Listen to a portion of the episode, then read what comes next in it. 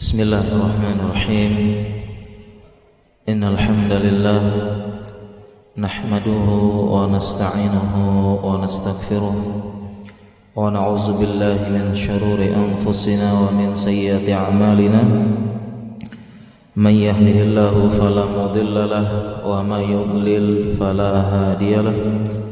أشهد أن لا إله إلا الله وأشهد أن محمدا عبده ورسوله لا نبي بعد Para jamaah sekalian kaum muslimin dan muslimat yang semoga dirahmati dan sayangi oleh Allah Assalamualaikum warahmatullahi wabarakatuh Alhamdulillah segala puja dan puji kepada Allah Salawat dan salam kepada Nabi Muhammad Sallallahu alaihi wasallam Para jamaah sekalian insyaallah di waktu duha ini Kita akan membahas tema yang cukup penting di zaman ini, di zaman now ini dan bahkan menjadi perhatian kita dan perhatian para ulama dan sejatinya harus benar-benar kita perhatikan yaitu adab menuntut ilmu dan adab yang mulai luntur di zaman ini. Adab menuntut ilmu yang sudah mulai luntur di zaman ini yang benar-benar kita harus saling mengingatkan kembali. Karena para jamaah sekalian apabila menuntut ilmu caranya tidak benar. Adabnya salah. Cara menuntutnya tidak berkah maka ilmunya bisa jadi juga tidak berkah dan ilmunya tidak mengantarkan kepada amal serta ilmu yang kita tuntut tidak akan membawa kepada kebahagiaan yang ingin kita cari alias sia-sia dan tidak berguna.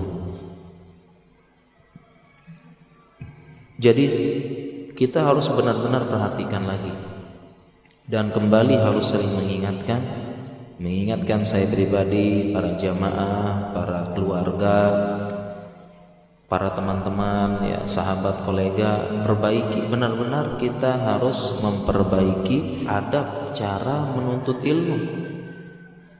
Yang di zaman ini mungkin luntur bahkan benar-benar tergerus dengan perubahan zaman adanya internet, sosial media, kemudahan mengakses ilmu, kemudahan bertanya, kemudahan menimba ilmu, pelajaran online, live, kajian online. Ini menyebabkan ya ada menuntut ilmu benar-benar harus digencarkan di zaman ini diulang lagi, diingatkan kembali agar ilmu tersebut berkah, agar ilmu tersebut membawa kepada kebahagiaan. Nanti kita akan jelaskan apa bedanya antara berkahnya ilmu atau tidak. Ada orang yang dia ilmunya banyak tetapi tidak berkah. Hati-hati kita di zaman ini Ilmu banyak tapi tidak berkah dan tidak mengantarkan kepada amal dan kebahagiaan yang kita cari untuk beragama ini. Para jamaah sekalian, berbicara tentang adab dan akhlak, kita tidak lupa ya. Jangan kita lupakan bahwasanya ini merupakan tujuan diutusnya Nabi Shallallahu alaihi wasallam. Visi misi beliau diutus. Visi misi dan tujuan beliau diutus di mana? Beliau bersabda innama bu'ithu li utammima makarimal akhlak Sesungguhnya aku ini diutus untuk menyempurnakan akhlaknya manusia, memperbaiki akhlak. Dalam hal ini ada dua kelompok ada dua bagian dari kita ini. Yang pertama, akhlak dan adab. Ya. Yang pertama orang yang sebelumnya adab ada dua. Adab dan akhlak itu akhlak itu ada dua. Yang pertama sesama manusia. Sesama manusia. Adab dan akhlak sesama manusia. Yang kedua adab dan akhlak kepada Allah pencipta. Nah, ini yang sering dilupakan juga adab dan akhlak terhadap Allah. Sehingga ada dua kelompok manusia ya, yang kita harus hati-hati. Yang pertama, orang yang adab terhadap manusia baik, adab terhadap manusia baik, ya, sopan santun, hormat kepada yang tua, menyayangi yang kecil. Ya, kemudian amanah dalam pekerjaan, ramah, memudahkan urusan orang lain, membuat gampang urusan orang lain. Ya, manusia mudah dengan dia, kalau dia datang manusia senang. Ada orang seperti ini kedatangannya ditunggu-tunggu, kepergiannya dinantikan, ya, ketiadaannya eh, di dirindukan dan kematiannya ditangisi. Ada orang seperti ini tetapi ahlak kepada Allah luar biasa jelek. Kita sering ketemu orang seperti ini. Bagaimana adab dengan Allah? Dipanggil oleh Allah azan tidak bergerak. Tidak bergerak. Hayya ala salat dipanggil oleh Allah. Langsung tidak bergerak sedikit pun. Ataupun tidak gelisah. Kalau kita kan para jamaah sudah sudah azan terus ada kerjaan. Kalau kita kan sedang azan ya jamaah kemudian ada kerjaan yang tidak bisa kita tinggal kok kayaknya kita agak gimana gitu ya? Gelisah lah atau belum sholat. Atau sedang safar belum sempat sholat itu kayaknya belum tenang. Saya ketemu orang-orang banyak orang-orang seperti ini. Ya, baik adab ahlak bagus. Kita juga senang sama dia tapi azan dia seolah-olah tidak ada adab tidak ada akhlak sama Allah. Padahal kalau atasannya bosnya memanggil cepat. Tapi Allah tidak ada. Ataupun dengan adab-adab yang lain dengan Allah Subhanahu wa taala berupa perintah melaksanakan melaksanakan eh, kebaikan menjauhi larangan Allah dan ini lumayan banyak. Ini perhatikan para jamaah. Ya, ini ahlak. Jadi banyak orang-orang yang mengatakan tazkiyatun nafs. Perbaiki ahlak, perbaiki ahlak, tapi lupa ahlak dengan Allah. Ini banyak seperti ini. Nah, kita jangan seperti ini para jamaah. Perbaiki dengan ahlak dengan Allah, kita bertobat takut kepada Allah dan sebagainya. Kemudian yang kedua ada orang yang ahlak kepada Allah mungkin baik. Tapi ahlak terhadap sesama manusia buruk. Ahlak dan adab sesama manusia buruk. Secara zohir penampilannya mungkin seperti orang yang sudah ngaji dalam tanda kutip ya, sudah ngaji lah. Pakaiannya pakaian islami ya.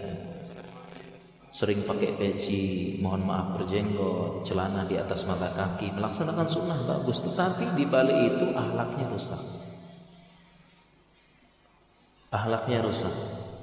Dimulai dari mencela memaki baik di sosial media kemudian juga tidak tepat waktu muka sangar tidak pernah senyum tidak pernah menepati janji manusia berat bersama dia kalau ada kumpulan orang dia datang manusia seolah-olah berat. Aduh, kok dia datang? Kenapa bisa begini? Begitu juga di tempat kerja satu kelompok dengan dia, satu proyek dengan dia, aduh, satu tim dengan dia, manusia, aduh, kenapa sama dia? Ahlaknya buruk. Ah, kita para jamaah jangan sampai dua hal ini. Dua hal ini jangan sampai. Ya, jangan sampai. Dan ini peringatan benar-benar peringatan bagi kita para jamaah. Peringatan bagi kita. Rasulullah Shallallahu Alaihi Wasallam bersabda, akmalul mu'minina imanan ahsanuhum khuluqan lihat Rasulullah SAW ahsanul mu'mini uh, ahsanul mu'minina imana? Ahsanuhum khuluqan yang paling baik dari keimanan mukmin yang paling baik adalah yang paling baik ke uh, mukmin yang keimanannya paling baik adalah yang paling baik akhlaknya. Lihat di hadis ini Rasulullah Shallallahu Alaihi Wasallam menyeimbangkan atau beliau mengaitkan antara iman dan akhlak. Semakin baik imannya, semakin baik akhlaknya. Jadi kalau imannya kecil, akhlaknya juga kecil. Kalau imannya bagus, akhlaknya juga bagus. Ini dikaitkan antara keimanan dan akhlak. Sehingga bahasanya para jamaah iman e akhlak ini ibaratnya output atau keluaran dari iman. Akhlak ini saya ulangi adalah output atau keluaran dari iman. Ini kan imannya baik, akhlaknya juga baik kan begitu kan? Sehingga iman ini akhlak yang baik ini, adab ini keluaran dari iman tersebut. Kalau imannya baik, akhlaknya baik. Baik akhlak sesama manusia dan kepada Allah Subhanahu wa taala. Ingat dua yang kita lihat. Dua. Jadi kalau akhlaknya buruk, berarti segitulah keimanannya. Para jamaah sekalian, kita tidak bisa mengukur keimanan kita. Kita tidak tahu iman kita sedang naik atau turun ini. Tidak kelihatan. Iman itu hal yang goib, tidak terlihat. Tidak terlihat kan? Ada yang tahu tidak iman kita sedang naik turun? Sedang tinggi atau turun? Sedang baik atau buruk? Tidak ada yang kita tahu. Tetapi kita bisa menilai dari ahlak tersebut. Itulah cerminannya. Jadi kalau ahlaknya buruk itulah keimanannya ibaratnya disebut dengan output atau keluaran itulah isinya seperti teko. Kalau isinya kopi ya keluar kopi. Kalau isinya teh ya keluar teh sama juga. Iman kita ini begitu. Ahlak kita dengan manusia dan kepada Allah. Kalau ahlak kita buruk ya itulah berarti iman kita. Situ gambarannya. Jadi belum jadi istilahnya ada orang yang belum tentu ya ini belum tentu penampilan Islami jenggot, pakaian bagus ya melaksanakan sunnah tapi akhlak buruk. Akhlak buruk. Ya udah berarti itu keimanannya. Itu gambaran keimanannya. Tidak jadi patokan ilmunya, postingan-postingannya di grup WhatsApp atau di mana bukan patokan itu apa akhlak sehari-harinya itu itulah gambaran keimanannya itu keluarannya para ini kita perhatikan untuk untuk akhlak. Dan adab-adab termasuk dari adab menuntut ilmu yang kita lihat sekarang. Sehingga itu para jamaah ya sekali lagi kita tekankan bagi diri saya pribadi dan para jamaah juga kita lihat adab kita keluaran kita bagaimana. Itu berarti cerminan. Saya tidak tahu iman saya naik turun, tapi lihat bagaimana adab-adab kita, akhlak kita baik terhadap manusia maupun kepada Allah. Begitu juga dengan adab menuntut ilmu ini para jamaah. Kita perhatikan dari sini saja sudah muncul, sudah terlihat. Kenapa kita sebut adab yang mulai luntur? Karena di zaman ini di zaman ini para jamaah luntur benar bahkan benar-benar kalau saya bandingkan para jamaah sekalian saya bandingkan dengan zaman saya dulu tahun 2000-an masih belajar ilmu agama belajar hadis belajar bahasa Arab dulu belajar hadis usul fikih fikih dan sebagainya usul tafsir. Tahun awal 2000 belasan tahun yang lalu belum ada internet ya. SMS juga itu pun kita pelit-pelitan. Kirim apa enggak ya? Sayang nih pulsanya habis ntar kalau kirim nih terus eh, kita masih ngatur-ngatur kata SMS ya. Jangan sampai lebih dari berapa SMS itu dibandingkan dulu sekarang bisa kita katakan banyak yang jauh sekali adab dulu dengan sekarang. Adab dahulu dengan sekarang. Nanti kita ceritakan para jamaah bedanya. Kenapa bisa berubah? Karena di zaman ini tadi sudah saya sebutkan di awal adanya internet, sosial media, YouTube, live, pelajaran jarak jauh, ilmu mudah didapat di mana pun, ya, kajian online dan sebagainya. Sehingga satu yang luntur, contohnya saja seperti perkataan Imam Malik, al ilmu yu'ta walayati Salah satu yang mulai luntur perkataan Imam Malik al ilmu yukta walayati. Ilmu itu didatangi bukan mendatangi. Itu namanya ilmu. Jadi ilmu didatangi bukan mendatangi. Banyak para ulama diminta oleh khalifah tolong datang ke istana ajarkan anak-anak khalifah untuk ilmu ditolak oleh ulama oh, suruh anak-anak khalifah datang ke sini ke masjid karena ilmu yu'ta walayati jadi adabnya para jamaah menuntut ilmu kita usahakan datang kita datangi menuntut ilmu tersebut bagaimanapun keadaannya kita usahakan datang Terlebih di zaman sekarang subhanallah mudah, apalagi orang-orang kota, orang-orang yang majelis ilmu di mana-mana, di Jakarta, Jabodetabek, ini majelis ilmu di mana-mana. Didatangi para jemaah. Diusahakan datang. Kita berharap kepada Allah dengan kita datang tersebut keberkahan turun. Nanti kita jelaskan apa itu berkahnya ilmu. Didatangi, diusahakan. Di zaman sekarang, tadi saya sebutkan dengan adanya internet, sosial media dan sebagainya, ilmu yang mendatangi kita malah terlalu berlebihan. Ilmu datang, pulang eh datang tidak diantar, eh, tidak diantar eh, tidak diundang, pulang tidak diantar, gitu ya. gitu ya. Kenapa? Kita baru bangun tidur, buka-buka, ilmu datang di grup WhatsApp, broadcast datang, potongan video datang. Ini semua datang, datang semua ilmu-ilmu tersebut. Ini kan tidak perlu tidak diundang dan pulangnya tidak diantar. Ya. Datang semuanya ilmu mendatangi kita. Itu tidak diundang semua. Datang ilmu tersebut. Baru pagi, baru bangun pagi. Nanti duha datang lagi kiriman. Ya. Datang lagi Dan kita pun apa? Hanya baca saja.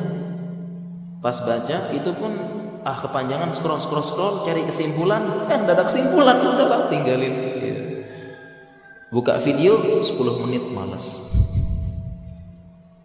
Nah, cari yang oh ini satu menit denger.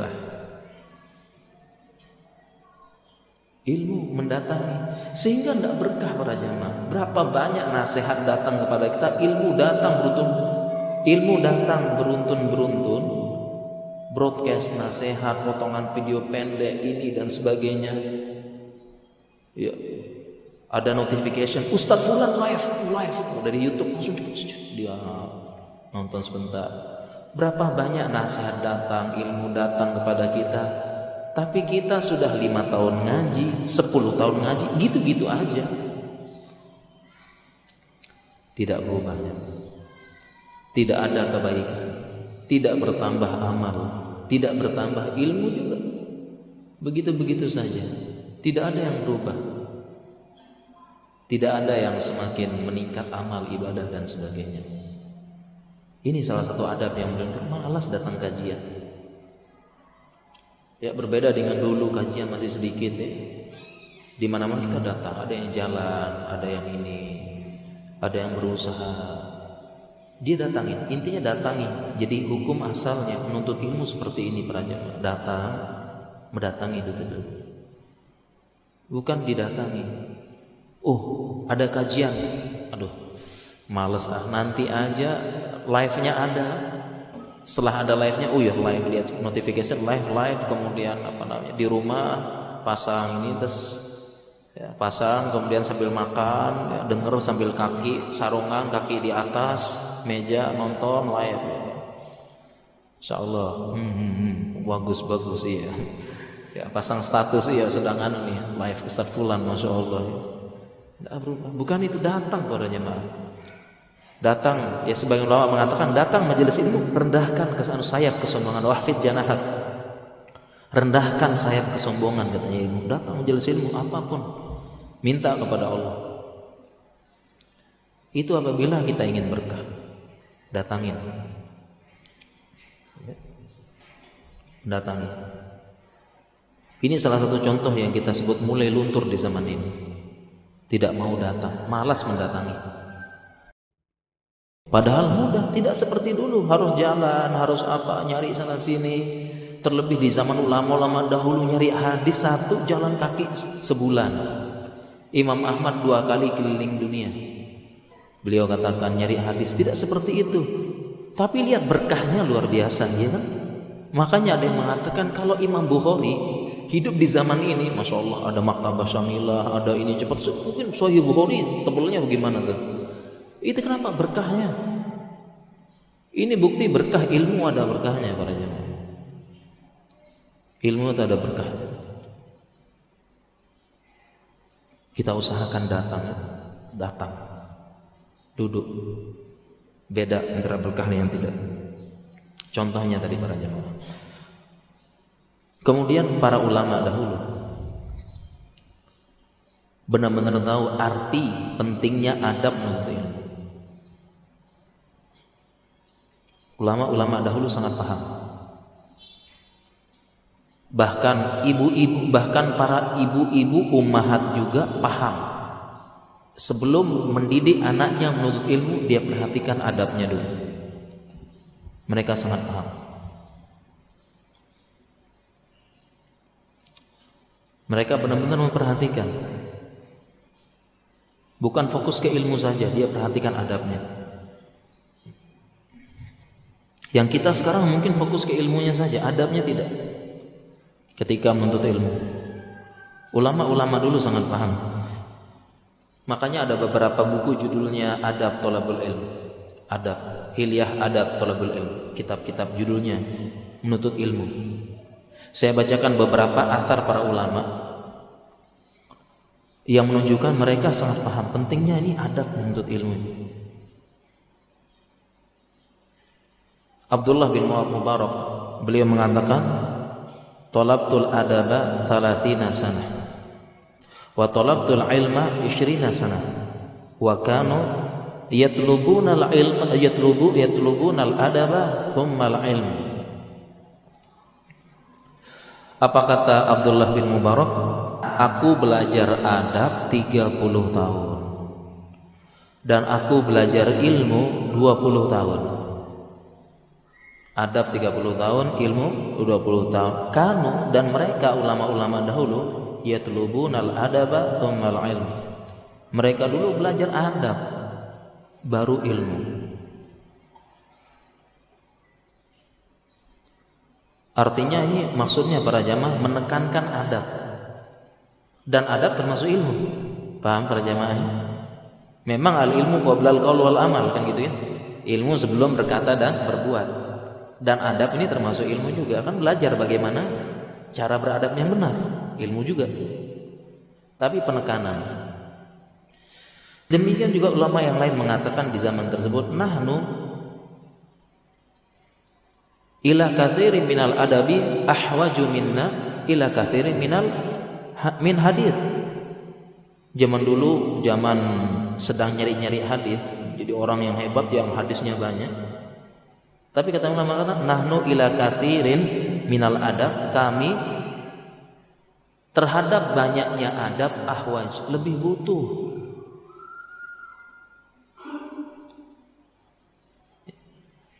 daripada hadis ila kathirin min hadis Jadi kami lebih butuh adab daripada banyaknya hadis. Ulama dahulu. Demikian juga dengan dikisahkan ibunya Imam Malik. Jadi para ibu-ibu ummahat-ummahat dahulu yang berhasil mendidik anak ulama-ulama yang hebat. Jadi kita jangan lupa ya kalau ada ulama hebat di balik tersebut ada ibunya yang mendidik. Jadi jangan kita pernah meremehkan peran wanita ya. Jadi ulama-ulama hebat di belakangnya ada ibunya yang berhasil mendidik. Dan tidak jarang ibu-ibu yang janda. Imam Syafi'i dan beberapa ulama yang lain atau ditinggal suaminya seperti gurunya Imam Malik Rabi'atul Ra'i ditinggal oleh suaminya jihad selama puluhan tahun. Mendidik anak sendiri.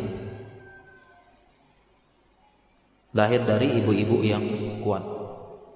Jadi ingat ulama-ulama dan ibu-ibu paham bagaimana mendidik adab lahir dari ibu-ibu yang kuat. Imam Syafi'i kalau bukan ibunya yang apa, menekankan belajar ya, umur tujuh tahun sudah hafal Al-Quran ibunya kan. Ibu Imam Malik ketika mengajarkan Imam Malik kecil dia mandikan anaknya. Dia mandikan Imam Malik kecil setiap pagi subuh-subuh mandiin kemudian dia tepuk punggung anaknya kemudian dia perintahkan agar pergi ke Rabi'atul Ra'yi guru Imam Malik ulama Madinah saat itu. Apa kata ibunya? Ta'allam min adabihi qabla ilmihi idhab pergilah engkau ke Rabi'atul Ra'yi. Ta'allam min adabihi qabla ilmihi. Belajarlah bagaimana adabnya Rabi'atul Ra'yi ini baru belajar ilmunya Belajar adabnya baru belajar ilmunya. Itu penekanan dari para dari para ibu-ibu. Dan ini juga yang hilang di zaman ini para jemaah. Ini juga yang luntur di zaman ini apa? Kalau kita belajar terhadap suatu guru, ustadz, ulama, yang kita perhatikan bukan hanya ilmunya, bagaimana adabnya, Ahlaknya guru kita tersebut. Oleh karena itu di zaman dulu di zaman dulu ulama-ulama di zaman dulu itu mereka sengaja ada yang menemani gurunya safar. Senang menemani gurunya safar ke mana-mana. Kenapa? Karena selama safar tersebut dia bukan nyari ilmunya, lihat gurunya bagaimana ahlak selama safar. Ketika ada tantangan, ketika ada sulit, ketika ada permasalahan, ada sesuatu hal yang mengganjal, ada suatu hal yang apa namanya membangkitkan emosi gurunya, ada suatu hal yang tidak suka, dilihat bagaimana respon gurunya. Wah, ternyata sabar. Ternyata menjaga diri. Ternyata begini, ini ini yang dia tunggu. Yang dia tunggu ini adab gurunya. Dia lihat Apalagi ketika safar sulit. As-safaru kid'atu minal adab. Ini kan hadis. Safar adalah bagian dari adab. Nah, zaman dulu sulit safar. Melewati gurun,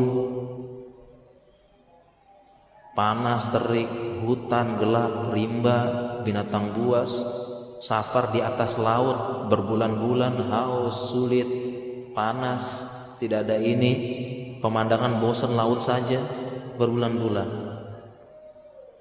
Tapi ini yang dia tunggu. Bagaimana gurunya syekhnya ini? Adabnya, ahlaknya, kesabarannya, tawakal kepada Allah, adab sesama yang lain, mendahulukan saudaranya wa yu'thiruna ala anfusihim walau kana bihim khassasah. Mendahulukan saudaranya walaupun dia sendiri butuh. Dia sendiri ini, ini yang dia tunggu.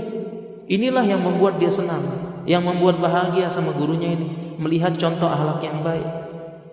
Tidak jarang bahkan dulu zaman dulu ya, ulama-ulama dahulu saking ingin belajar, saking, ingin melihat tadab ta'adda mana ta'allam min adabi qabla lihat adabnya dulu sebelum ilmunya ulama-ulama dahulu mereka sengaja tinggal di rumah gurunya, syekhnya. Sengaja, wahai syekh, saya ingin tinggal di rumahmu. Ngapain? Bantu-bantu syekhnya, nyuciin baju syekhnya, nyiapin makanan syekhnya, bersihin rumah syekhnya, sengaja pengen tinggal di rumah syekhnya. Saya tinggal di rumah ngapain? Saya bantu-bantu nanti deh. Saya cuciin ini. Apa yang diharapkan tinggal di rumah syekhnya? Dia ingin lihat ahlak syekhnya di rumahnya tersebut.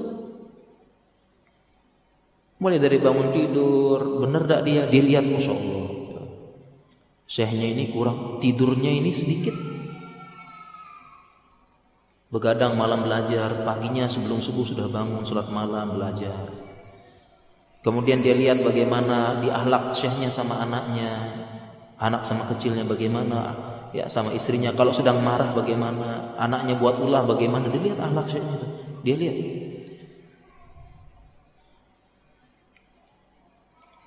Sengaja ini yang saya tunggu nih. Pengen lihat. Oh begitu ya. Ahlak syahnya. Adabnya. Oh begini di rumah. Oh iya iya. iya. Masya Allah. Dan para jamaah sekalian. Itu menimbulkan ketenangan. Menimbulkan kebahagiaan gitu. Kita kalau bersama orang yang ahlaknya luar biasa kita senang banget. Seolah-olah kita tertampar, seolah-olah kita aduh saya jauh banget ini Ya, dia benar-benar tidak apa ya, tidak terlalu butuh dunia, memudahkan urusan orang lain, hanya menanti, hanya pengen apa namanya, tidak ingin dengan tidak tergiur dengan kemewahan dunia, memudahkan urusan orang lain, sabar luar biasa, tenang, pembawaannya itu senang. Itu yang dicari oleh ulama-ulama zaman dahulu. Yang dicari oleh ulama zaman dulu. Makanya para jamaah sekalian, di antara ustadz-ustadz kita ada yang sengaja ingin belajar sama syekh. Itu bukan semata-mata pengen belajar sama syekh, dia ingin lihat bagaimana. Syekh beneran maksudnya ilmunya, dia belajar ilmunya bagaimana, adabnya dia lihat sehari-hari. Ya, adabnya, ahlaknya bagaimana.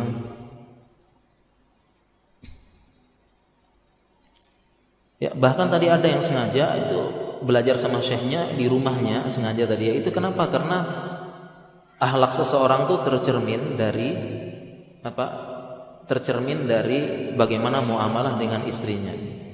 Kan begitu?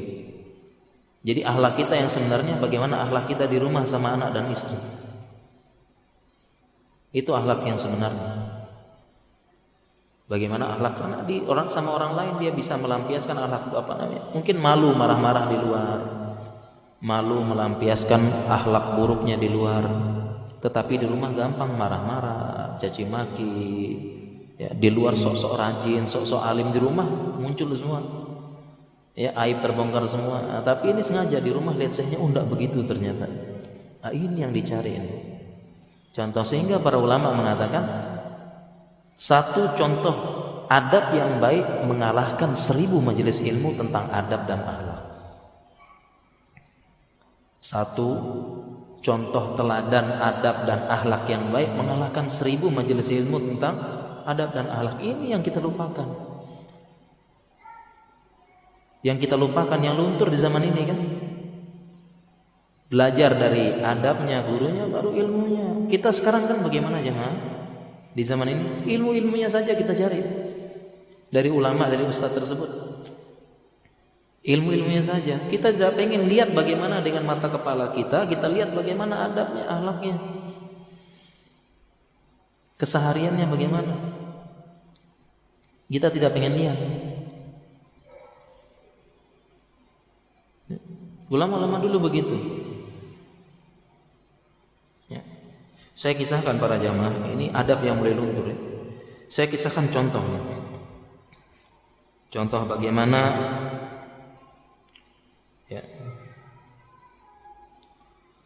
Bagaimana ulama di zaman dulu ya? Ibnu Qayyim menyebutkan ya. Ibnu Qayyim menyebutkan Ibnu Qayyim ini gurunya siapa para jemaah? Ibnu Taimiyah. Dan Ibnu Taimiyah ini punya murid hebat-hebat. Siapa aja muridnya? Ibnu Qayyim al-Jauziyah. Kemudian siapa lagi? Ibnu Katsir. Az-Zahabi, ulama-ulama hebat. Kunna idza ishtadda alaina katanya Ibnu Qayyim, apabila kami ya merasa kesusahan dan merasa sempit jadi kata Ibnu Qayyim itu kalau kami sedang sempit, sulit, ya, sedang susah berat melaksanakan agama, mungkin sedang futur, banyak ujian, banyak fitnah. Apa kata Qayyim? Nah, nu kami ini murid-murid Ibnu Taimiyah, kami datang ke Ibnu Taimiyah. Begitu kami datang, baru melihat Ibnu Taimiyah kata Ibnu Qayyim baru kami melihat Ibnu Taimiyah luntur semua kesusahan-kesusahan tersebut baru melihat gurunya saja murid-murid ini kalau kami sedang capek apa sedang banyak fitnah banyak ini futur ya, kuat mulai goyang kami datangi Ibnu Taimiyah datangi baru ketemu saja luntur semuanya belum lagi kata beliau beliau mengeluarkan nasihat-nasihat emas nasihat-nasihat menggugah langsung kuat lagi. Ini contoh adab. Kenapa? Karena beliau melihat murid-muridnya lihat bagaimana Ibnu Taimiyah ini, baik adabnya, akhlaknya, kesabarannya, tidak terlalu butuh, tidak terlalu tap, tidak tamak dengan dunia, ujian-ujian yang beliau hadapi. Jadi kata Ibnu Qayyim tinggal datang, baru melihat saja sudah luntur semuanya. Kenapa? Karena teladan yang baik, adab yang baik dari gurunya tersebut. Nah ini yang mulai luntur para jamaah. Mulai luntur di zaman ini. Baik dari ustadznya, ya, baik dari ustadznya, ustadznya bisa jadi koreksi bagi kita juga. Ustadznya juga yang mengajarkan tidak menunjukkan akhlak yang baik, adab yang baik.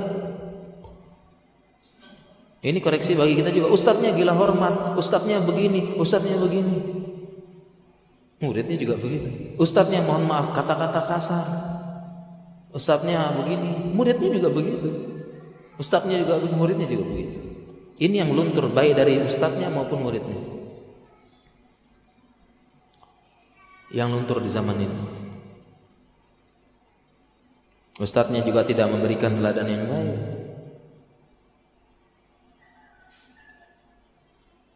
Ya. Apalagi muridnya dan muridnya pun lupa terhadap guru itu adabnya juga dilihat. Bukan hanya ilmunya. Bagaimana para jamaah benar-benar lunturkan di zaman ini? Ya, tugas kita bersama perbaiki. Tugas kita perbaiki. Ya, minimal kita di keluarga kita, di keluarga kita kita perbaiki dulu. Bagaimana adab dan akhlak tersebut. luntur di zaman ini.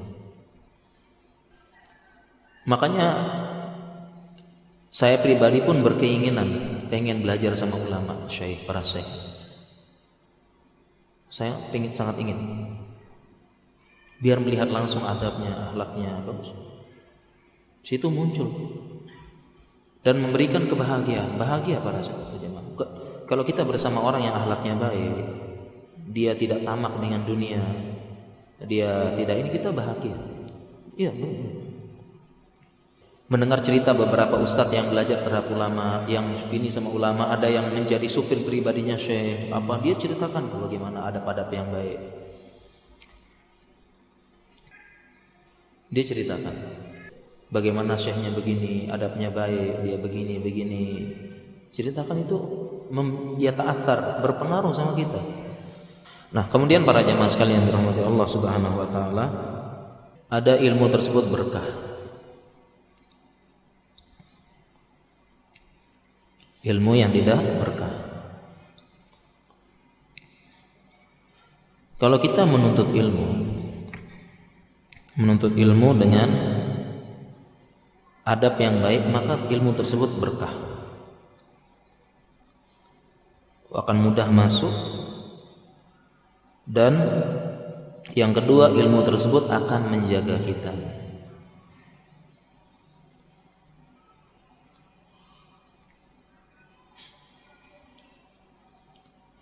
Jadi yang pertama kalau kita adab menuntut ilmu dengan adab, ilmu tersebut mudah masuk. Dia akan masuk dengan mudah dan begitu masuk dia akan bersemayam, akan benar-benar ada di hati kita. Ilmu tersebut.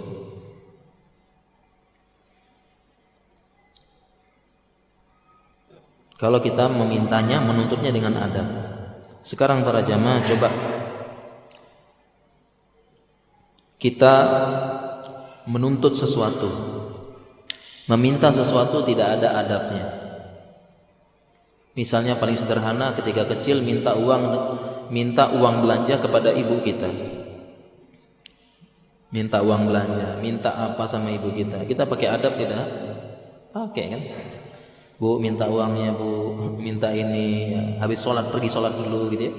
Sholat dulu ngaji dulu habis itu baru bu minta uangnya dong gitu ya atau dipuji-puji ibu cantik deh ibu apa gitu minta. Itu kan adabnya minta. Nanti dika dikasih. Begitu juga minta anak gadisnya orang. Hmm, ngelamar. Minta anak gadisnya orang pakai adab enggak jamaah? Adab pak saya datang sini pengen apa namanya melamar anak bapak. Ya, saya sudah begini saya sudah baik Bukan tidak pakai adab Pak, saya datang sini Pak, mau nikahin anak Bapak. Kalau tidak dinikahin Pak, anak Bapak bunuh diri. Dikasih apa Pak? Dikira-kira dikasih tidak adabnya? Enggak. Jadi para jamaah di mana-mana yang namanya meminta, menuntut pakai adab tidak? Pakai sama juga. Menuntut ilmu, minta ilmu adab. Kalau tidak pakai adab, dia tidak akan masuk. Kalau pakai adab masuk menetap. Kalau tidak pakai adab tidak akan masuk. Seandainya masuk keluar lagi. Katanya orang masuk telinga kanan, keluar telinga kanan lagi. Tidak hmm. sempat masuk gitu ya. Masih mending masuk telinga kanan, telinga kiri lewat sebentar masih mending. Ada ini masuk telinga kanan, keluar telinga kanan lagi. Aduh. Ini ini adabnya. Dia akan masuk. Yang kedua para jamaah dengan kita memakai adab menuntut ilmu kita beradab dalam menuntut ilmu ilmu tersebut akan menjaga kita. Ini yang disebut dengan katanya ulama al ilmu nafi ya'simu sahibahu. Ilmu ber, ilmu yang bermanfaat akan menjaga orangnya. Demikian juga para ulama mengatakan uh, annal ilma yahrusu sahibahu wa sahibul mal yahrusu malahu. Katanya para ulama juga ilmu ilmu men, itu menjaga orangnya. Sedangkan harta orangnya menjaga harta tersebut. Jadi ilmu ilmu menjaga kita. Kalau harta kita yang jaga harta tersebut Kita yang jaga, kita yang pusing nih jaga harta gimana Banyak orang yang pusing malah jaga hartanya. Banyak ya. Pusing jaga hartanya. Contoh paling sederhana para jamaah. Saya pernah ya, jadi saya kalau di Jogja saya beli helm tuh pertengahan, tidak jelek, tidak bagus. Beli helm yang biasa-biasa aja. Ya. tapi teman saya saya punya teman helmnya bagus. Kita pernah pergi barengan. Mampir di satu tempat. Ini ini helm saya ini karena pertengahan harganya sudah macam-macam lagi ya. Kadang ada yang sengaja ditempel-tempel biar kelihatan jelek. Saya taruh gitu aja. Teman saya ini helmnya dibawa masuk ke dalam. Gede besar bagus. Dibawa masuk ke dalam gede di bawah kenapa tinggal ya? Jadi dia yang jaga capek. Saya taruh aja senang masuk ke dalam dia bawa. Ke mana-mana dia bawa helm yang bagusnya itu. Mungkin harga 500 ribu satu juta dibawa ikut masuk ke dalam dia bawa berat gede. Dia jaga saya taruh aja hilang hilang. Dia bawa terus capek berat. Ya karena kalau kalau ditaruh di situ ya hilang. Mau dikunci dipotong Ini contoh menjaga apa? Harta. banyak. Sadar tidak sadar, banyak kita ini pusing jaga harta. Benar kata ulama, al ilmu ya'simu sahibah. Ilmu yang jaga. Kalau ilmu, ilmu yang menjaga kita. Nah, apa bentuknya? Apa bentuknya? Ilmu menjaga kita. Dan ini bedanya para jamaah, ilmu berkah sama tidak. Perhatikan ini. Ilmu yang berkah atau tidak. Dan dimulai dari adabnya menuntut ilmu. Contohnya para jamaah sekalian, ada orang dia tuh hafal ya. Ada orang ilmunya tinggi nih. Dia hafal dalil-dalil sama nas yang berceritakan tentang kesabaran. Dia hafal ayat wa basyiris sabirin alladzina idza asabathum asabathum musibah qalu inna lillahi wa inna dia hafal juga ayat innal insana li rabbih. Sesungguhnya manusia itu tidak sabar, tidak bersyukur. Dia hafal juga hadis as-sabru inda sadamatil ula. Sabar itu ketika hentakan yang pertama. Jadi sabar itu bagaimana kita pertama kali dapat musibah tersebut, pertama kali dengar pertama kali kita mendapatkan kita sabar itulah kesabaran. Makanya disebut as-sabru inda sodmatil ula. Sabar ketika hentakan yang pertama pertama kali dengar. Itulah sabarnya dia. Tapi kalau sudah seminggu tujuh minggu eh seminggu ya berapa hari ada musibah berat dia sudah tenang iya sekarang setelah seminggu saya sudah sabar tapi begitu dengar pertama ngamuk-ngamuk meraung-raung ini bukan sabar namanya Pertama dengar ngamuk-ngamuk, meraung-raung, oh banting sana, banting tidak terima gitu ya. Kemudian sejam tersebutnya tenang, ya, saya sudah sabar, sudah tenang. Bukan itu sabar. Tapi indah sodmatil ul. Sodamatil ul. Ketika pertama kali hentakan itu namanya sabar. Hmm. Jadi bukan orang ya apa ya misalnya pagi dapat musibah siangnya tenang sabar ya, saya sudah sabar nggak ada keluhan tapi pertama kali dengar meraung-raung banting sana banting sini bukan sabar namanya ini bukan sabar. Jadi kalau kita melihat kita sabar apa enggak itu lihat indah sodmatil ula. Indah sodmatil ula. Itu patokannya sabar orang. Pertama kalinya itu.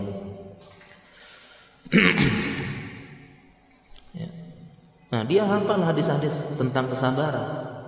Hafal, tahu, bahkan mengajarkan. Tapi para jamaah sekalian ketika turun atau dia terkena musibah tiba-tiba hilang semua ilmunya tidak sabar mengeluh berkesah sedang naik motor di perjalanan motornya pecah jedor padahal ada urusan penting mulailah turun mengeluh berkesah motornya ditendang-tendang jedor jedor Ya, padahal motornya 10 tahun, 15 tahun mengantarkan ke mana-mana tanpa celah. Sudah mengabdi, tapi sekali pecah langsung tendang, caci maki. Hilang. Padahal para jamaah ilmunya banyak. Iya tidak? Ilmunya banyak, hafal hadis, hafal Al-Quran, bahkan ayat ini tafsirnya ini tahu. Hadis ini syarah ulamanya, ulama ini syarahnya ini, syarahnya ini tahu. Fathul Bari tahu syarahnya apa tapi ketika ini tidak sabar. Dia tahu keutamaan bagaimana bermuamalah dengan istri. Khairukum khairukum linisaikum sebaik-baik kalian yang paling baik sama istrinya. Dia tahu tapi praktek sehari-hari enggak. Hadisnya hafal. Ini ilmu tidak berkah para jamaah. Tidak berkah. Walaupun banyak. Contoh yang kedua, ada orang mungkin ilmunya tidak banyak ilmunya sedikit. Mungkin kena kesibukan yang sangat besar. Tidak mungkin dia tidak ada waktu untuk nuntut ilmu agama. Dalam ilmu agama mungkin mohon maaf ya dia mungkin buruh di pasar ya, capek apa. Tapi dia sempat hadir majelis ilmu sebentar dia niatkan. Kemudian dia tidak hafal hadis tidak hafal Al-Quran tapi yang dia ingat dari pesan dia dari, dia ingat yang dia yang dia ingat dari majelis tersebut bahwasanya orang sabar disayang Allah. Dia cuma ingat itu. Ya berdasarkan dari hadis innallaha idza ahabba idza ahabba qauman ibtalah. Atau kamu kalau Rasulullah SAW sesungguhnya Allah apabila mencintai satu kaum dia akan mengujinya ini bukti bahwasanya orang sabar dicintai Allah jadi orang ini yang tadi mohon maaf ya mungkin buruh pasar kuli pasar tadi Cuma tahu itu aja. Yang dia ingat dari kajian orang sabar disayangin Allah. Tapi ketika dia pulang, dia lihat mungkin dia dapat musibah, rumahnya terbakar, ininya terbakar, habis semuanya. Ketika itu dia langsung ingat. Katanya Ustadz, orang sabar disayang Allah. Kemudian dia sabar. Dia ridho dengan takdir Allah dan dia hadapi musibah tersebut dengan mudah. Karena ada orang yang dia musibah itu berat tapi dia hadapi dengan mudah ada tenang dia sabar ya. dihadapi dengan mudah walaupun ujiannya berat dimudahkan sama Allah dia ingat dia cuma ingat itu katanya Ustadz orang sabar disayang Allah saya harus sabar Innallaha idza ahabba qauman ibtala sesungguhnya Allah apabila mencintai satu kaum berarti ini diuji saya diuji berarti Allah sedang cinta saya dia ingat langsung sabar Nah ini para jamaah ilmu sedikit tapi berkah. Menjaga. Ini yang paling penting para jamaah ilmu itu berkahnya kita cari. Bagaimana dia menjaga kita, bukan banyak-banyakan. Tentu lebih baik sudah banyak berkah lagi, iya kan? Lebih baik. Tapi kalau banyak tidak berkah buat apa? Nah kita sekarang ini ada penuntut ilmu yang mulai tergerus ini. Ini kita lebih banyak-banyakan saja. Bagaimana banyak-banyakan? Bagaimana tahu-tahunya apa? Tapi tidak berkah ternyata selama ini. Tidak menjaga kita Sebagaimana tadi penjelasan para ulama Ini yang menyebabkan kita ini tidak memperhatikan adab penuntut ilmu Sehingga tidak berkah. Ya tadi Kajian tiap hari sana sini live Begini-begini tidak didatangi. Begitu mendatangi majelis ilmu tidak memperhatikan adab. Sehingga tidak berkah. Dan seperti tadi contohnya kita banyak ilmu kita nih tahu banyak hadis banyak banget tidak ada perubahan kita. Kenapa tadi tidak berkah? Cara untuk ilmu sudah salah. Betapa banyak kita dapat hadis Al-Quran Tapi ilmu tidak bergerak Tidak menjaga kita dan kita pun tidak beramal. Agar lebih memotivasi kita para zaman sekalian. Kita lihat bagaimana Majelis ilmu di zaman dulu Ini kita bandingkan ya bagaimana di zaman dulu. Adab majelis ilmunya bagaimana. Disebutkan Abdurrahman bin Mahdi gurunya Imam Ahmad punya majelis. Saya bacakan ini. Wa kana Abdurrahman bin Mahdi la yatahaddasu fi majlisihi wa la ahadun wa la yubarra fihi qalamun wa la yatabassamu ahadun Dulu di majelis ilmunya, di majelis ilmunya Abdurrahman bin Mahdi, gurunya Imam Ahmad. Tidak ada yang berbicara sedikit pun. Tidak ada yang berdiri wala yubarra bihi kalau tidak ada suara kerutan kolam kerutan pulpen kert kert kert tidak ada wala yatabassamu ahadun tidak ada yang tersenyum ini contoh majelis ilmu yang benar teman begini memang serius ya menuntut ilmu berusaha mencatat memperhatikan dan berdoa semoga bisa mengamalkan dengan niat yang baik ini hukum asalnya untuk ilmu begini majelisnya. Nggak ada yang berbicara. Ya, jadi benar-benar serius. Ya, berusaha mendengarkan dengan baik. Kecuali mungkin ada hajat boleh ya, ngomong ada hajat boleh. Sekarang sudah tergerus kan jemaah ya? Sekarang ada kajian itu. Sibuk kan apa? Masih apa? Postingnya. Lagi kajian Ustadz Fulan. Ya. eh, posting. Di tengah-tengah kajian itu. Posting jawab komentar. Kajian di mana? Ahi. Oh di sini Ahi. Oh, Masya Allah. Ya tolong share dong materinya. Hasilnya apa aja? Oke saya share ya. Ini yang di share apa? Foto dia sama Ustadz. Ini hasil kajian jadi itu majelis ilmu di zaman dulu para jemaah. Yang benar begitu. Ya jadi serius dia, dia serius. Ini hukum asalnya. Walaupun ya tidak kaku banget juga sih. Artinya benar-benar tidak gerak apa ya? Kalau ada hajat boleh keluar sebentar ngomong ada apa begini. Kalau bekal bergerak sedikit boleh. Kalau ada apa boleh minum apa boken kalau memang dipersilahkan makan oleh ustadznya boleh makan. Asalkan tidak mengganggu makan snack apa boleh tapi hukum asalnya begitu artinya apa hukum asalnya majelis ilmu serius ini adabnya serius kita minta ketenangan, kita minta ini ilmu. Kita memohon kepada Allah dengan kerendahan hati, dengan hukum asalnya serius. Zaman sekarang mulai luntur juga majelis ilmu pokoknya yang lucu-lucu. Ya, mohon maaf juga ustadz yang laris yang banyak anunya, yang banyak humor-humornya, yang banyak ininya, itu yang laris.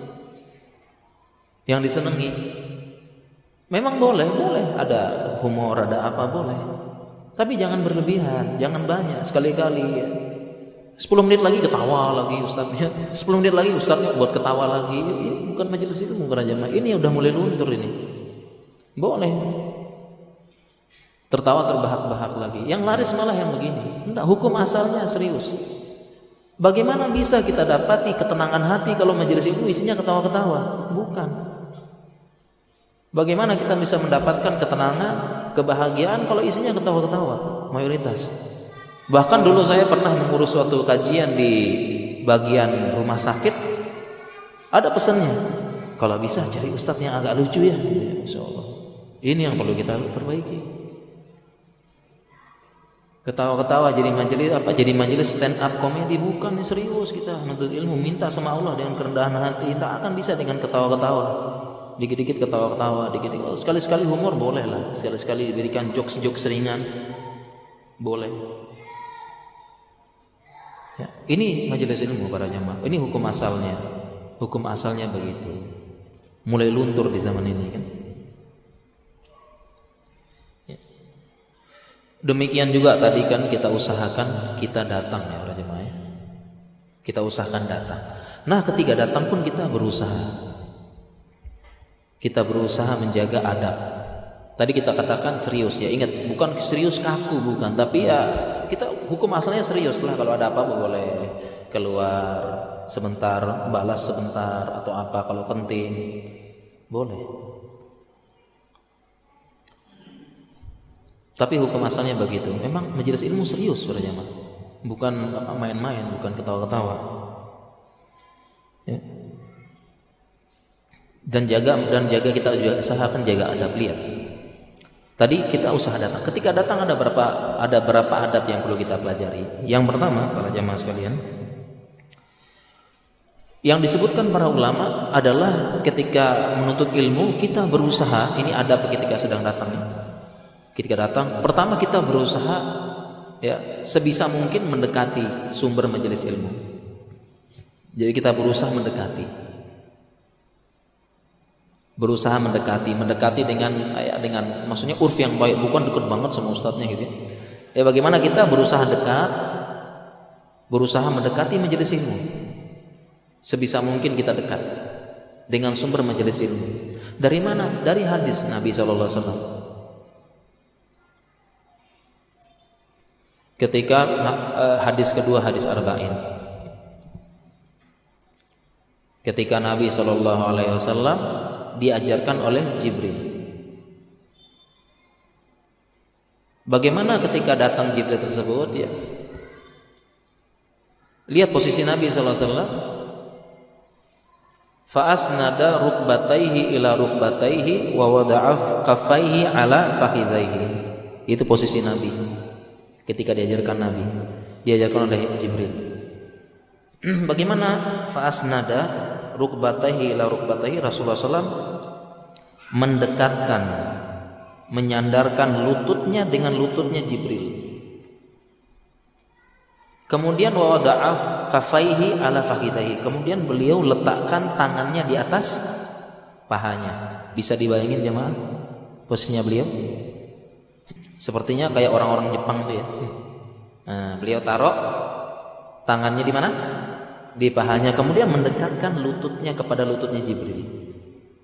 Nah, lihat posisi beliau ketika mendapat ilmu. Asnada rukbatahi ila rukbatain. Ulama katakan beliau mendekati sumber majelis ilmu. Sampai lututnya kena mendekat. Sehingga adabnya ya, adab kita yang luntur para jamaah sekarang, kalau ada majelis ilmu, sengaja ini sengaja ada yang di belakang datang datang kajian sih datang kajian. Tapi begitu datang kajian, ini mohon maaf ya, sengaja ke belakang. Ke belakang ngapain? Nyandar.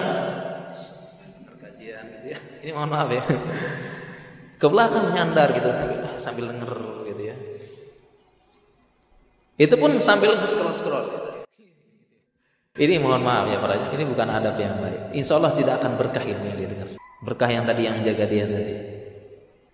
Dan katanya para ulama mendekati sumber majelis ilmu menunjukkan keinginan dia dengan ilmu berusaha mendekati majelis ilmu sumbernya tadi itu dia deketin ini menunjukkan keinginan dia ingin ilmu tersebut.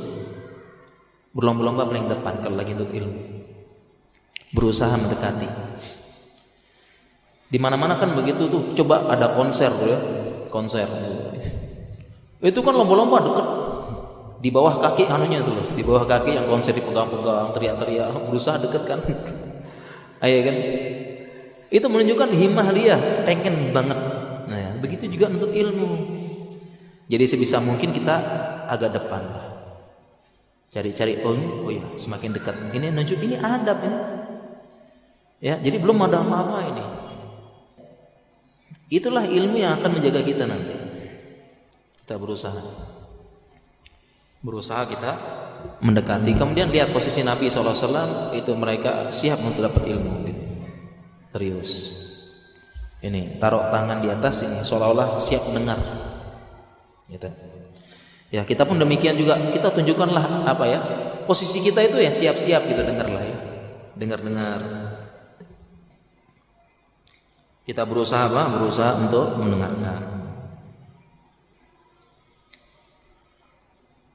Kemudian juga para jamaah sekalian dirahmati Allah Subhanahu wa taala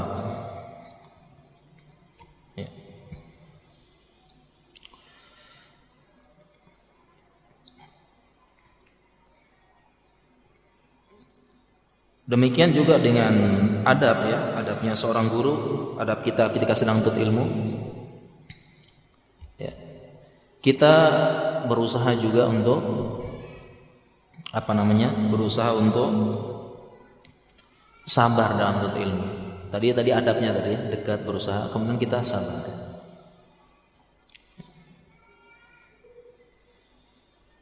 Sabar dalam baik sabar dalam menuntut ilmu ini termasuk adab ya sabar ya, untuk ilmu. Yang kedua sabar dengan gurunya. Termasuk adab untuk ilmu. Sabar dengan gurunya. Dulu para jemaah sekalian ya, dulu awal tahun 2000-an ya, Dulu saya baru alhamdulillah sudah mulai ngaji dan dimulai dengan belajar bahasa Arab paling pertama. Guru bahasa Arab saya saat itu orangnya agak keras. Agak keras. Kenapa? Karena setiap mulai belajar bahasa Arab ada yang namanya murojaah. Paham ya, Pak? Jadi sebelum mulai murojaah dulu, pelajaran yang sebelumnya isim fiil huruf. Alamatul i'rab. Mufrad, musanna, jama' jamak taksir, jamak muannas salim, jamak mudzakkar salim. Belajar bahasa Arab ya.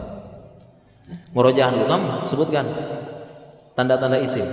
Kamu mungkin tanya satu-satu ditanya. Kalau tidak bisa jawab, kamu berdiri di sana. Jadi sini belajar itu pojok sana berdiri.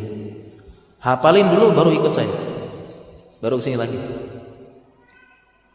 Itu dulu cara saya belajar bahasa Arab perjamaah. Sabar. Dan alhamdulillah dulu ya begitulah salah satu hikmah ya masa-masa dulu kajian uh, sunnah dulu kan masih sedikit ya. Nggak kayak sekarang orang itu pun juga ya kadang katanya ada sunnah-sunnahan gitu ya. Jadi kita gimana lagi? Ini aja. Nggak, kita tidak manja dulu jadinya. Memang di sini tempat belajar bahasa Arab lagi. Keras lagi ya. Kamu sana.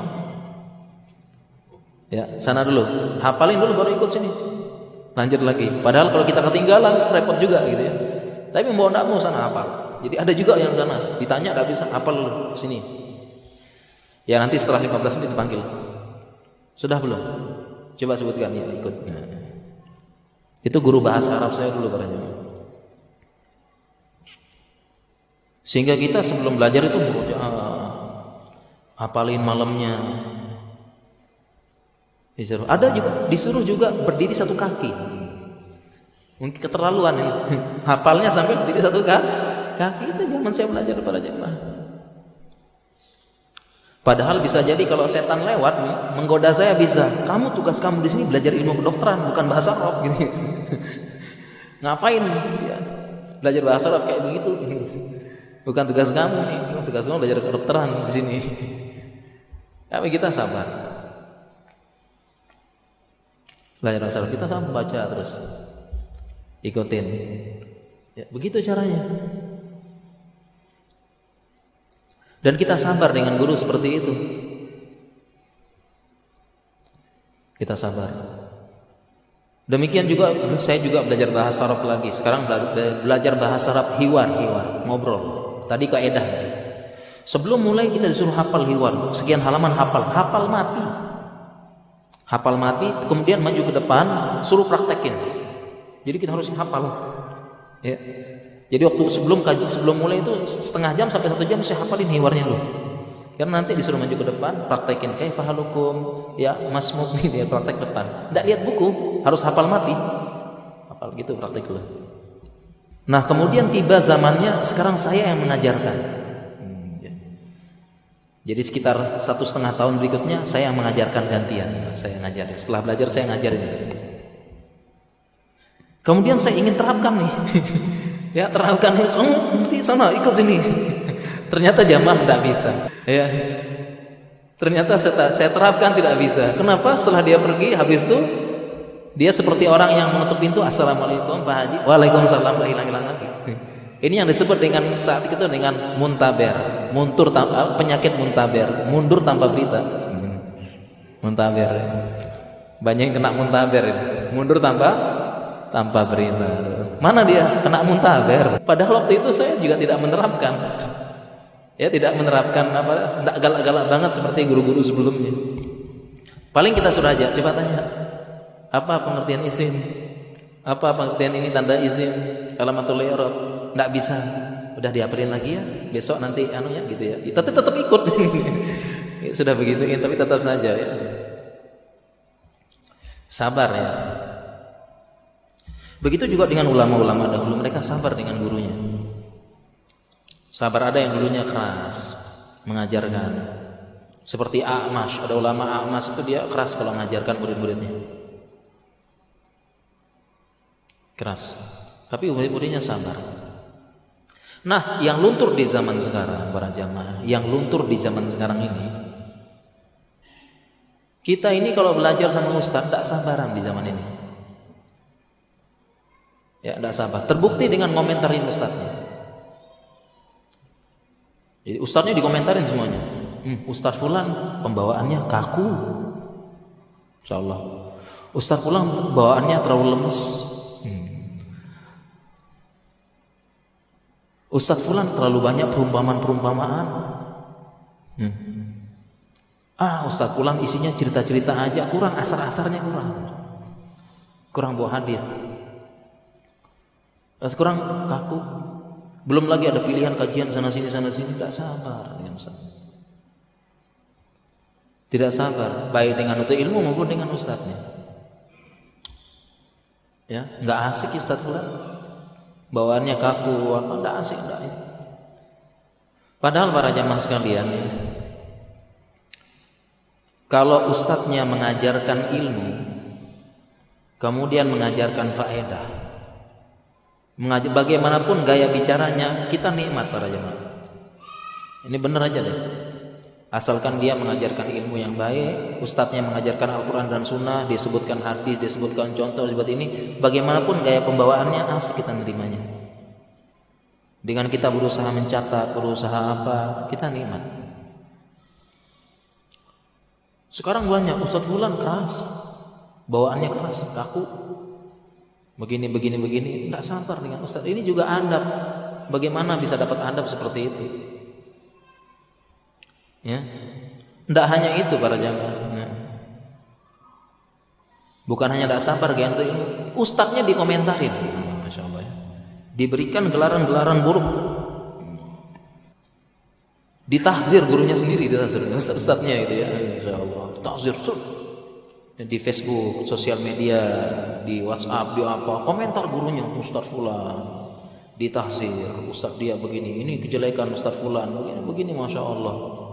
Padahal dia saja ikro belum tamat, subhanallah. Baca Al-Quran belepotan, ya hadis belum ini, tapi sudah komentar guru-guru. Harusnya ngaca dulu, ya ngaca ngaca dulu ini ustadz kebaikannya banyak. Ada salah sedikit atau apa atau ketergelinciran wajar lah ketergelinciran. Atau bagaimana salah ustadz juga manusia gitu kan. Tergelincir apa? Dan kebetulan itu yang muncul. Langsung dikomentari langsung diapakan dan sebagainya. Dikomentarin begini-begini sedangkan dia maksiat dia banyak aib dia banyak kekurangan dia banyak. Tidak muncul tidak apa. Tapi komentarin orang. Artinya para jamaah bukan kita sikap kita pertengahan ya. Tahzir perlu dalam dalam agama ini. Perlu tahzir ini. Tapi harus adil, ya. tidak boleh berlebihan, tidak ini. Dan yang kedua, tahzir itu untuk berbicara di muka umum itu urusannya ustaz sama ulama. Jangan kita mbak paham apa-apa ngomong di depan publik, di Facebook, di internet, di sosial media, di mana. Itu urusan ustaz ulama, biar mereka yang ngomong. Jangan kita. Tidak tahu perkara, tidak tahu ilmu ini, tidak tahu ini, jangan. Jadi bukan artinya masa tidak boleh kita tahzir dia, boleh, boleh saja. Tapi jangan bicarakan kita yang tidak punya kapasitas, jangan bicara di pub, di publik. Kita yang bukan punya masih nuntut ilmu, baca Al-Quran aja belum jelas, makharijul huruf belepotan, antara hak sama hak saja nggak tahu bedanya. Za sama dha nggak tahu bedanya. Dia bicara depan publik, kalau dia bicara di majelis khusus boleh. Bukan artinya tidak boleh ngomong tazir sama sekali. Boleh bicara. Tapi yang kesalahan dia tidak punya kapasitas ngomong di depan publik, sosial media sana sini ngobrol. Masih menuntut ilmu. Ini juga adab menuntut ilmu. Ini gimana bisa dapat berkah kalau begini? Ngomongin ustaz sana sini di publik lagi. Kalau bahas sama ustaz tak apa-apa ustaz gimana kira-kira ustaz ini? Oh begini begini. Majid forum khusus. Tidak apa-apa. Tapi kalau di publik, oh ini adab yang hilang. Gimana mau berkah kalau begini? Nah ini para jamaah kenapa kita mulai luntur karena kita di zaman sosmed, internet ini. Makanya saya dulu bersyukur zaman masih belajar hafal hadis apa kemudian itu belum ada internet ini bersyukur banget saat itu bisa jadi saya pribadi kalau zaman masih nuntut ilmu dulu ya masih belajar bahasa Arab, masih belajar dasar-dasar, ada WhatsApp, ada internet, mungkin saya juga baru dapat faedah langsung umumkan tuh. Baru dapat faedah langsung tuh. Padahal di situ ada ikhtilaf, ada apa, ada ini, langsung didebatkan. Bisa jadi saya juga tergoda. Nah sekarang kita jangan ya, kita jaga adab-adab tersebut. Nah kemudian juga para jamaah sekalian ada beberapa adab-adab untuk ilmu yang perlu kita ya, yang lain yang kita perlu pelajari lagi. Yang yang yang mulai tergerus juga ini yang mulai tergerus adalah uh, niat kita menuntut ilmu. Yang mulai tergerus. Niat kita menuntut ilmu. Sekarang kita nuntut ilmu ini pengen kita banyak-banyakan ilmu. pengen ria, pengen supaya orang tahu kita ini berilmu. Ini kita hati-hati. Peringatan bagi saya pribadi juga. Dan niat kita nuntut ilmu buat apa? Untuk debat. Hmm. Zaman sekarang ini karena debat gampang banget ya. Mau sekarang debat juga bisa. Ya, debat di sosmed. Gampang kan? Jadi tujuan kita nuntut ilmu pengen debat, pengen menunjukkan kita pengen menunjukkan kita beril, berilmu. Ini yang mulai tergerus ikhlas, ya, mulai tergerus zaman ini karena mudah. Dan ini sudah diingati oleh peringatkan oleh Rasulullah SAW. Beliau bersabda, "Man ta'allama al-ilma liyubahi liyubahiya bihi ulama wa liyujari bihi sufaha wa liyasrifa eh, bihi wujuhan nasi ilai fahuwa finnar." Apa sabda Rasulullah barang siapa menuntut ilmu supaya bisa mendebat ulama? Waliyujariya bihi sufaha supaya bisa membodoh-bodohkan orang bodoh. Dan supaya memalingkan wajah manusia kepada dia. Ini saya nih hebat ilmu saya banyak padahal hasil kopasan gitu. kopasan fahuwa finnar di neraka katanya Rasulullah SAW dan ingat para jamaah sekalian yang pertama kali masuk neraka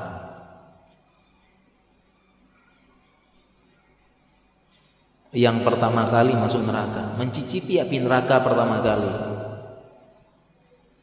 Bukan pembunuh, bukan perampok, bukan pemerkosa, bukan orang bengis, bukan koruptor. Bukan orang kejam. Tapi yang pertama kali mencicipi api neraka orang yang ria. Intinya tidak nutup tidak dia melakukan itu untuk Allah. Salah satunya ada tiga orang, salah satunya menuntut ilmu agama. Apa kata? Jadi dia yang paling pertama dipanggil oleh Allah, nyicipi, mencicipi paling pertama api neraka. Apa kata dia? Wahai Allah, qad ta'lamtul ilma. Saya sudah belajar ilmu ya Allah. Wa 'allamtuhu, saya ajar ya Allah. Wa qara'tu fikal Qur'an. Saya baca Al-Qur'an untuk engkau ya Allah. Apa kata Allah? Kadzabta, dusta engkau. Dia dilempar ke neraka. Ini orang yang pertama kali mencicipi api neraka orang seperti ini. Jadi bukan perampok, bukan koruptor, bukan orang bengis, bukan orang kejam yang apa itu. Yang tapi dia nih, ini yang cicipi api neraka pertama kali. Nah, kita bisa seperti itu. Terlebih di zaman ini nih, kita kan nuntut ilmu agama kenapa? Pengen belajar dengan apa? Supaya pengen debat, pengen menunjukkan kita berilmu pengen hebat, pengen dipuji, pengen bisa bantah. Padahal itu pun hasil kopas-kopasan di Google, hasil di apa gitu ya. Bukan ilmu beneran. Ya, tadi untuk mendebat ulama, mendebat ustad, ya, ustad kita debat gitu ya. Baru dapat faedah kita debat ustadnya. Ustad, ya, adabnya hilang, tidak ada adab sama ustad. Langsung debat ustad salah. Ini yang benar ustad, ini tidak ada adab bantah.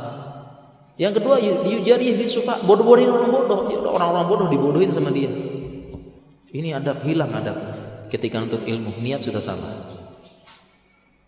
Niat menuntut ilmu juga niatnya adalah sekedar ilmu sekedar wawasan. Ini adab ketika menuntut ilmu niatnya tidak benar. Jadi menuntut ilmu sekedar uh, ilmunya untuk sekedar apa jemaah? Sekedar wawasan. Jadi dengan mudahnya ilmu di zaman sekarang, dikit-dikit bisa langsung share. Ini menyebabkan kita termasuk saya ilmu ini sekedar wawasan dan bacaan menyenangkan. Apa? Kita ulangi ilmu sekedar wawasan dan bacaan menyenangkan. Jadi ketika ada bacaan, masya Allah, uh bagus, masya Allah, uh ini faedahnya, masya Allah wawasan saja sama bacaan menyenangkan senang kita baca tapi setelah itu kita amalkan tidak? Tidak gitu kan? Baca masya Allah. Imam Ahmad seribu rakaat sholat tiap masya Allah. Ulang ih masya Allah ya. Luar biasa ya masya Allah. Sholat malamnya para ulama. Nabi SAW salat malam sampai bengkak kakinya hatta yatawarrama qadamah sampai bengkak kakinya Masya Allah ya luar biasa. Setelah itu salat malam enggak jemaah Tidak salat malam. Ini jadi ilmu sekarang sekedar wawasan dan bacaan menyenangkan. Kenapa? Karena niat nutut ilmu sekedar itu. Kita nutut ilmu sekedar pengen tahu saja. Oh, iya, iya, iya. Ketika dijelaskan oleh ustadznya, sekedar dengar saja. Oh, gitu-gitu. Tapi dia tidak. Ya Allah. Misalnya dapat dapat faedah tentang sholat malam. Ya Allah. Mudah saya bisa sholat malam. Tidak niat. Makanya para ulama ini ada asar-asar para ulama mengatakan Fudail, bin Iyad mengatakan la yazalul alimu jahilan bima alima hatta ya'mala bih. Fa idza amila bihi kana aliman. Kata Fudail bin Iyad, namanya seseorang belum disebut seorang alim sampai dia mengamalkan ilmunya.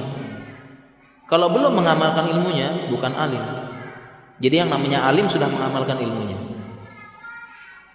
Ustadz itu ulama itu yang sudah mengamalkan ilmunya. Itu katanya para ulama. Jahilan masih jahil kalau belum mengamalkan. Faida amila bihi kalau sudah mengamalkan karena aliman baru ini alim kalau sudah mengamalkan. Jadi orang alim yang disebut sudah mengamalkan ilmunya. Demikian juga dengan para ulama dahulu Abu Kilabah mengatakan idza hadatsa laka ilmun fa'ahdis fihi ibadatan fala yakun hamuka ayyuhaditsa bihin nas. Apa kata Abu Kilabah? Apabila engkau mendapatkan ilmu, fa'adis fa'ahdith fihi ibadatan, maka niatkan kamu bisa akan melaksanakannya. Minta sama Allah misalnya kita dapat kaidah tentang sholat malam ya Allah, semoga bisa sholat malam. Fa'adis fihi ibadatan, munculkan keinginan ibadah. Fala yakun hamuka ayuhaditha bihin nas, antuhaditha bihin nas Jangan sampai niatmu cuma pengen nyampein ke orang lain saja. Ini pas banget nih. Pas banget nih antar ulama. Fala yakun ham hamuka an tuhadditsa bihnas. Jangan sampai keinginan keinginanmu ketika dapat ilmu untuk sampaikan kepada manusia saja. Kan kita begitu kan? Dapat ilmu yang kepikirkan apa pertama kali? Share gitu kan? Kopas share dapat ilmu? Wah ini mantep nih faedah mantep. Langsung kepikiran apa? Share. Dapat ilmu? Wah ini mantep nih kayaknya luar biasa share. Itu kita share tujuannya supaya orang-orang juga tahu saya berilmu gitu. Share share. Jadi yang pertama kali ketika dapat ilmu di zaman sekarang ini yang kita pikirkan apa langsung? Share. Sana sini sana sini share. Kopas kopas kopas Share sana semua grup di Kopas. grup ini grup poligami, grup apa di Kopas semua gitu. Hmm. Kopas semuanya Kopas. Share, share. Jadi yang pertama pikiran apa? Antuhat ditabihin nasi ini katanya. Tapi sedangkan fa'ahdith fihi ibadatan enggak. Enggak pernah kita berdoa sebelum share itu ya Allah mudahan saya bisa laksanakan insyaallah saya. Ini kan adab sudah hilang di zaman ini Hilang tidak? Hilang saya pun demikian. Mungkin yang penting juga katanya para ulama adalah kita berusaha mencatat, kita berusaha mencatat ya. Qaidul ilmu bil kitabah, kita usahakan kita catat. Ya, kita berusaha untuk mencatat, terlebih kalau kajian rutin. Kajian rutin yang bahas kitab kita catat. Qaidul ilmu bil kitabah. Ini hadis, catat ilmu dengan uh, ikat ilmu dengan mencatatnya. Ya. Kalau zaman sekarang kan gampang tuh. Atau zaman sekarang muncul istilah lagi qaidal qaidal qaidal ilma qaidal ilma bil amal Zaman sekarang ada yang Zaman sekarang ada ungkapan ikat ilmu dengan amal. Ya, ikat ilmu dengan amal. Kalau dulu mungkin qaidul ilmu bil kita catat dengan uh, ikat ilmu dengan apa? Nulis zaman dulu. Zaman sekarang qaidul ilmu bil amal, ikat ilmu dengan amal. Karena apa? Karena sekarang itu tidak catat pun nanti, insya Allah ustadznya membagikan makalah setelah ini. Atau nanti bisa dimurojaah dengan rekaman. Ya, atau nanti tiba-tiba selesai kajian tiba-tiba ada nyebar tulisan faedah catatan faedah dari Ustadz Fulan. Jadi sudah ada nyatetin gitu kan. Makanya zaman sekarang kaidah lima bil amal. Ya, kita amalkan biar kita ini. Adab dalam bertanya. Adab bertanya kepada Ustadz. Karena sekarang tergerus dengan apa?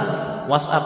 Kalau dulu kan nanya uslama datang ke ke rumahnya ya tidak itu pun kalau ada itu pun kalau diterima sekarang nanya Ustadz kapan pun bisa ya WhatsApp apa dan sebagainya ini makanya kita perlu ada adab bertanya kepada Ustadz dan ulama yang mulia terus di zaman ini Yang pertama ada bertanya kepada ustadz dan ulama. Pertama tidak menagih jawaban buru-buru. Ya. Tidak menagih jawaban buru-buru. Kadang-kadang ada itu ustadznya, ustadz ini apa jawabannya ustadz? Ini gini gini. Tolong jawab cepat. Ya, tiba-tiba buka miss call 20 kali. Kenapa? Tolong cepat Ustadz. Ternyata dia sedang debat di lapak sebelah dengan orang lain. harus harus dibantah segera ini. Minta jawaban Ustadznya. Cepat Ustadz. Eh, miss call berapa kali?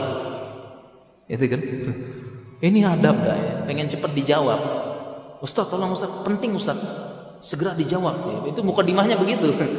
Itu di mana-mana Ustadz baru baca aja sudah ilfil gitu. Aduh adabnya nggak ada ini. Jadi tidak menunggu. Kan Ustadz juga punya urusan banyak.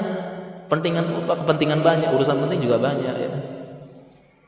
Ya mukadimahnya Ustaz penting Ustaz tolong jawab segera gitu ya.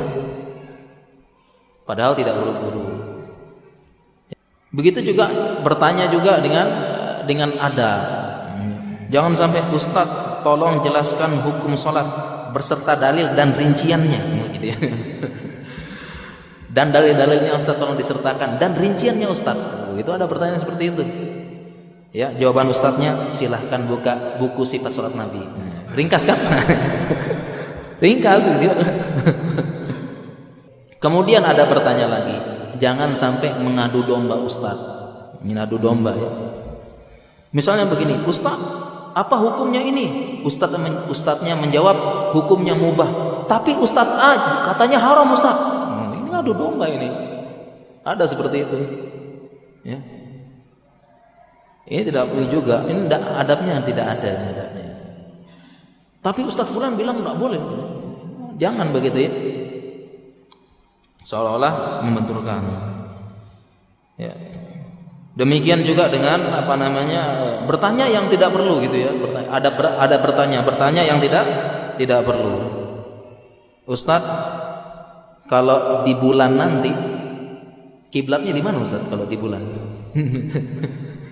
Pertanyaan tidak penting ya. Kalau di bulan kiblatnya di mana Ustaz? Ya, Ustaznya jawab ya, tolong WhatsApp saya kalau sudah sampai bulan. Ya gitu ya. Atau bertanya-bertanya ini, apa bertanya-bertanya tidak penting gitu. Ya, Ustaz, apa hukum makan daging dinosaurus? Gitu. Tidak penting ya. Bertanya-bertanya yang tidak penting. Terlalu banyak bertanya. Ya, dan orang itu kadang-kadang dia pengen dia terlalu banyak, banyak bertanya ingin dapat praktisnya aja. Males. Males baca males menelaah males datang untuk ilmu pengen praktis-praktisnya aja. Apalagi zaman sekarang ada hilang. Itu dia bertanya itu satu pertanyaan di forward ke berapa ustadz 15 ustadz gitu ya. Di forward berapa ustadz karena gampang sekarang ada tanya jadi orang yang terlalu banyak bertanya menunjukkan dia pengen yang praktis-praktis, tidak mau capek, tidak mau repot. Ini tidak bagus, adab yang tidak bagus. Datang untuk ilmu, lihat dan tentu beda hasilnya. Dan itu diperingatkan oleh Nabi SAW fa inna ma ahlakal ladzina min qablikum kathratu masailin wa ikhtilafihim ala anbiya'ihim kan itu ingatannya Nabi. Oh, yang menyebabkan orang-orang orang-orang sebelum kalian binasa terlalu banyak bertanya dan menyelisih nabi-nabi sebelumnya. Baik itu bertanya yang tidak penting, bertanya pengen yang praktis-praktis, atau bertanya yang memberatkan. Ini hilang adab di zaman ini. Ya. Ada. Ini juga penting nih adab bertanya ini perlu kita sampaikan ini. Karena tergerus di zaman ini. Kemudian yang terakhir, adab bertanya kepada ustadz untuk ngeyel, untuk ngetes. Tidak boleh pada jamaah. Bertanya pada ustadz untuk menjebak bertanya pada ustadz untuk supaya pengen apa ya memojokkan dan sebagainya. Ada pertanyaan-pertanyaan seperti ini. Ya pengen menjebak pengen ini ada. Jadi untuk memancing bukan ini. Sehingga para ulama pernah mengingatkan Ibnu Ibnu Luqayyim mengingatkan ida ida jalasta ila alimin fasal tafaqquhan wala ta'annudan kata Ibnu Luqayyim kalau kamu duduk kepada seorang ahli, maka tanyalah untuk tafakuhan, untuk minta ilmu, bukan ta'anu dan ngeyel. Karena ada yang seperti ini ngeyel. Ya pengen debat, pengen ngetes ustadznya, pengen ini. Ya bertanya ya pengen tahu, pengen apa, ya, bukan untuk mencari ilmu. Nah demikian para jamaah sekalian rahmati Allah Subhanahu Wa Taala. Ya ini memang adab-adab yang luntur masih banyak ini. Ya masya Allah ya. Tetapi dari sini kita sudah lihat ya dari fakta yang kita lihat yang kita hadapi ternyata memang para jamaah ya adab menuntut ilmu di zaman ini wah benar-benar luntur deh. Kita benar-benar menyaksikan terutama kita yang awal-awal dulu ya masih ngaji di awal-awal dulu jauh sekali jemaah jauh. Jauh. Adab menuntut ilmu dulu sama sekarang benar-benar jauh. Ya yang kita sudah merasakan dulu awal-awal. Waktu kajian masih sedikit kajian sunnah belum banyak belum ini kita merasakan jauh dan kita rindu zaman-zaman dulu. Ya nuntut ilmu yang dulu sama sekarang. Silahkan tanya deh ustadz-ustadz dulu yang senior-senior. Mungkin guru-guru kita tanya gimana dulu sih nuntut ilmu? Adab sama sekarang adab tergerus hilang jauh sekali. Nah tugas kita sekarang untuk memperbaikinya ya mengembalikannya mengingatkan kepada para jamaah dan sebagainya. Satu lagi yang penting uh, supaya no, penting kok penting semua ya? Satu lagi ya salah satu adab untuk ilmu adalah kita melazimi satu ya jadi harus ada kajian rutin yang kita ikutin ini adab ada penuntut ilmu itu yang disebut dengan taksili. Taksili juga penjelasannya panjang. Ya. Tapi intinya taksili itu kita berusaha untuk ilmu, ya kita ikut kajian rutin, seminggu sekali rutin, menyelesaikan buku atau kitab tertentu. Ini namanya ngaji adabnya. Jadi misalnya di sini, di masjid sini, di masjid ini ya, masya Allah di masjid kita ini di Fatur Rahman, masya Allah ya, ada kajian rutinnya ada. Ah itu ikutin terus menerus, hadiri terus menerus, rutin. Ini adab menuntut ilmu, hadiri kajian rutin, menyelesaikan kitab tertentu sampai habis. Ini baru menuntut ilmu. Dan bukan adab menuntut ilmu kajian cuma tematik kok. Tidak pernah nyelesain buku ini bukan adab. Hadiri rutin. Dan ini yang mulai tergerus. Kajian rutin tidak mau, males, bosen. Ustadznya kaku nyampein. Padahal itu yang benar catat faedahnya. Insya Allah nikmat kok dicatat faedahnya, diapakan. Serius nyatet apa, ikutin sampai selesai. Kalau bingung tanya ustadznya langsung. Itu nikmat itu. Rutin. Ini majelis ini untuk ilmu yang benar yang akan menjaga kita yang berkah. Ini tergerus di zaman ini. Menurut ilmu di zaman ini apa? Pengennya kajian tematik saja. Pilih-pilih ustadz sana sini. Boleh sih sebenarnya. Tapi jangan sampai nggak ada majelis ilmu rutinnya. Paham ya jemaah ya? Boleh kita kajian rutin boleh. Dua-duanya ada dua-duanya ada kelebihannya. Dua-duanya ada tujuannya masing-masing rutin sama kajian tematik. Tapi jangan sampai kita sudah ngaji, sudah paham adab, tak pernah ada kajian rutin yang kita hadiri seminggu sekali kah atau apa yang menyelesaikan buku tertentu, tafakuhan, ada. Nah ini tergerus. Ada metode menuntut ilmu zaman sekarang, adabnya itu hanya pilih-pilih mana tematik saja sana sini sana sini. Tidak ada rutin. Itu pun ngaji semau gue datang-datang enggak enggak, enggak datang enggak enggak. Sehingga akhirnya mendatangi yang tidak tidak, enggak enggak gitu kan. Sana sini. Pilih-pilih tema temanya. Itu bukan begitu adab ilmu. Itu pun pilih sudah pilih-pilih ustaz, pilih-pilih tema lagi. Temanya apa? Tauhid ah bosan. Ini bosan. Ya, temanya apa? Poligami. Oh, datang. Temanya apa lagi? Romantisme dalam rumah tangga. Datang. Temanya apa lagi? Mendidik anak parenting datang gitu ya. Tapi tentang akidah, tauhid, dasar menguatkan iman, meningkatkan keimanan tidak datang. Bukan begitu. Ini adab yang penting juga para jemaah. Baiklah para jemaah sekalian rahmati Allah Subhanahu wa taala, mungkin kita cukupkan kajian kita pada kesempatan uh, duha pada hari ini. Mungkin ada pertanyaan ya saya. Baiklah jemaah mungkin uh, satu atau dua saja deh pertanyaannya karena harusnya jam 11 ini saya harus berangkat. ya, satu deh, satu aja deh supaya adalah tanya jawab. Silahkan nih para jemaah mungkin ada yang ingin bertanya. Ada pertanyaan tidak? Gimana? Itu oh asarnya, asarnya Ibnu Qayyim ya. Ya asarnya Ibnu Qayyim sebentar. Ada asarnya ya. Saya cari dulu ada. Ah ini. Minta dibacakan ya. Iya, ini saya tidak hafal ya soalnya bukan anu ya. Ini cuma asar ya, asarnya panjang. Saya bacakan asar Ibnu Qayyim. Kunna idza ishtadda bina al-khawfu wa sa'at minna dhununu wa daqat bihil ardu atainahu ini asar Ibnu Qayyim. Kunna kami dulu katanya Ibnu Qayyim, murid-muridnya Ibnu Qayyim, murid-muridnya Ibnu Taimiyah, kunna. Tadi murid-muridnya siapa? Hebat-hebat ya. Ibnu Qayyim, Ibnu Qayyim aja udah lama hebat loh. Ya Az-Zahabi, Ibnu Katsir, lama-lama hebat. Kunna idza istatna bina al-khauf, kalau kami sudah berada dalam puncak rasa takut.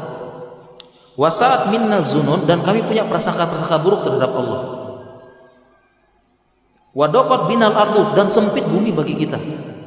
Atainahu kami datangi Ibnu Taimiyah, gurunya.